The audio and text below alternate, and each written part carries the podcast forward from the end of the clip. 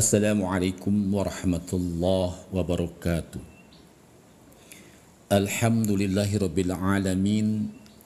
wassalatu wassalamu ala ashrafil anbiya'i wal mursalin nabina Muhammadin wa ala alihi wa sahbihi ajma'in.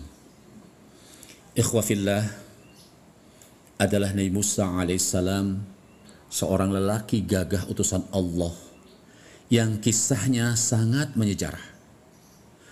Diutus Allah di kota Mesir untuk berdakwah melawan ayah angkatnya sendiri yang mengaku sebagai Tuhan. Si pembangkang yang hidupnya penuh dalam kesombongan. Firaun. Nabi Musa alaihissalam tetaplah manusia yang juga memiliki kekurangan. Ia tak pandai beretorika, lisannya gagap, tatkala diperintahkan Allah untuk menyampaikan kebenaran kepada Firaun, Nabi Musa alaihissalam merasa gugup dan khawatir dengan ketidakmampuannya dalam beretorika. Hingga ia berdoa untuk kelancaran lisannya yang gagap kepada sang pemberi kemudahan. Doa yang diabadikan dalam Al-Quran surat Toha ayat 25 sampai dengan 28. Qala Rabbis rahli yassirli amri wahlul uqdatam milisani yabkauhu qawli. Taat akan titah Tuhan meski dalam keterbatasan kemampuan. Itulah yang Nabi Musa alaihissalam contohkan. Nabi Musa alaihissalam juga pernah menghadapi situasi genting yang membuat ia buntu dalam menghadapi permasalahan Itulah yang terlihat saat Nabi Musa alaihissalam dan pasukannya terjebak di perbatasan laut. Sedangkan di belakangnya jarak pasukan Fir'aun yang mengejar mereka semakin dekat dan terus mendekat. Dalam keadaan hati yang penuh kekhawatiran dan kecemasan, turun titah Tuhan untuk melemparkan tongkatnya ke laut. Nabi Musa alaihissalam hanya taat dan patuh akan titah Tuhan. Tak terpikir bahwa tongkat kecilnya akan mampu membelah lautan yang begitu luas. Namun Allah mampu berbuat apa saja di luar dugaan dan lintasan pikiran manusia. Taat itu saja tugas kita.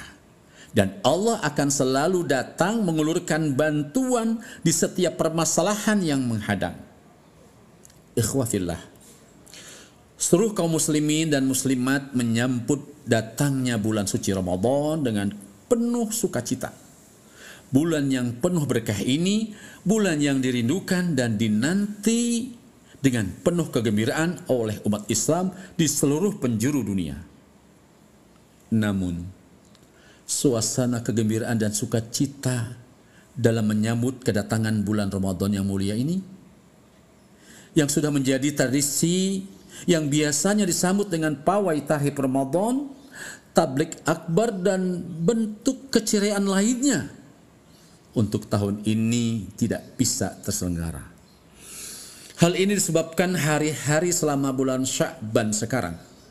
Beberapa hari sebelum datangnya bulan Ramadan menjadi hari-hari keprihatinan dan kesedihan diselimuti wabah penyakit virus corona atau COVID-19 wabah penyakit COVID-19 masih terus berlanjut sampai hari ini.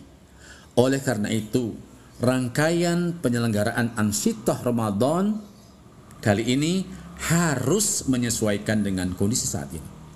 Penyelenggaraan kegiatan Ramadan kali ini dibuat dengan pendekatan yang berbeda dengan penyelenggaraan tahun-tahun sebelumnya. Penyelenggaraan kegiatan Ramadan tahun ini lebih fokus pada agenda pribadi dan keluarga pada aktivitas di dalam rumah tentunya. Rasulullah SAW mengajarkan satu sunnah yaitu ketika suatu negeri ditimpa wabah penyakit taun, manusia diperintahkan untuk berdiam diri dengan kesabaran di rumah dan meninggalkan keramaian dalam bentuk apa pun. Ikhwafillah, kisah Nabi Musa alaihissalam ini memberikan ibroh dan pelajaran bagi kita semua urusan kita sebagai hamba Allah memang taat kepada Allah, lain tidak.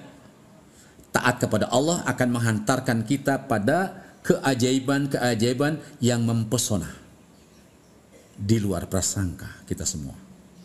dalam taat apa pun masalah akan teratasi.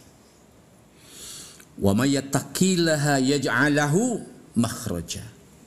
Barang siapa bertakwa kepada Allah, niscaya dia akan membukakan jalan keluar baginya. Al-Quran Surat At-Tolak ayat 2. Dalam taat yang menyeluruh, patuh yang utuh, selalu ada jalan keluar yang bisa kita tempuh.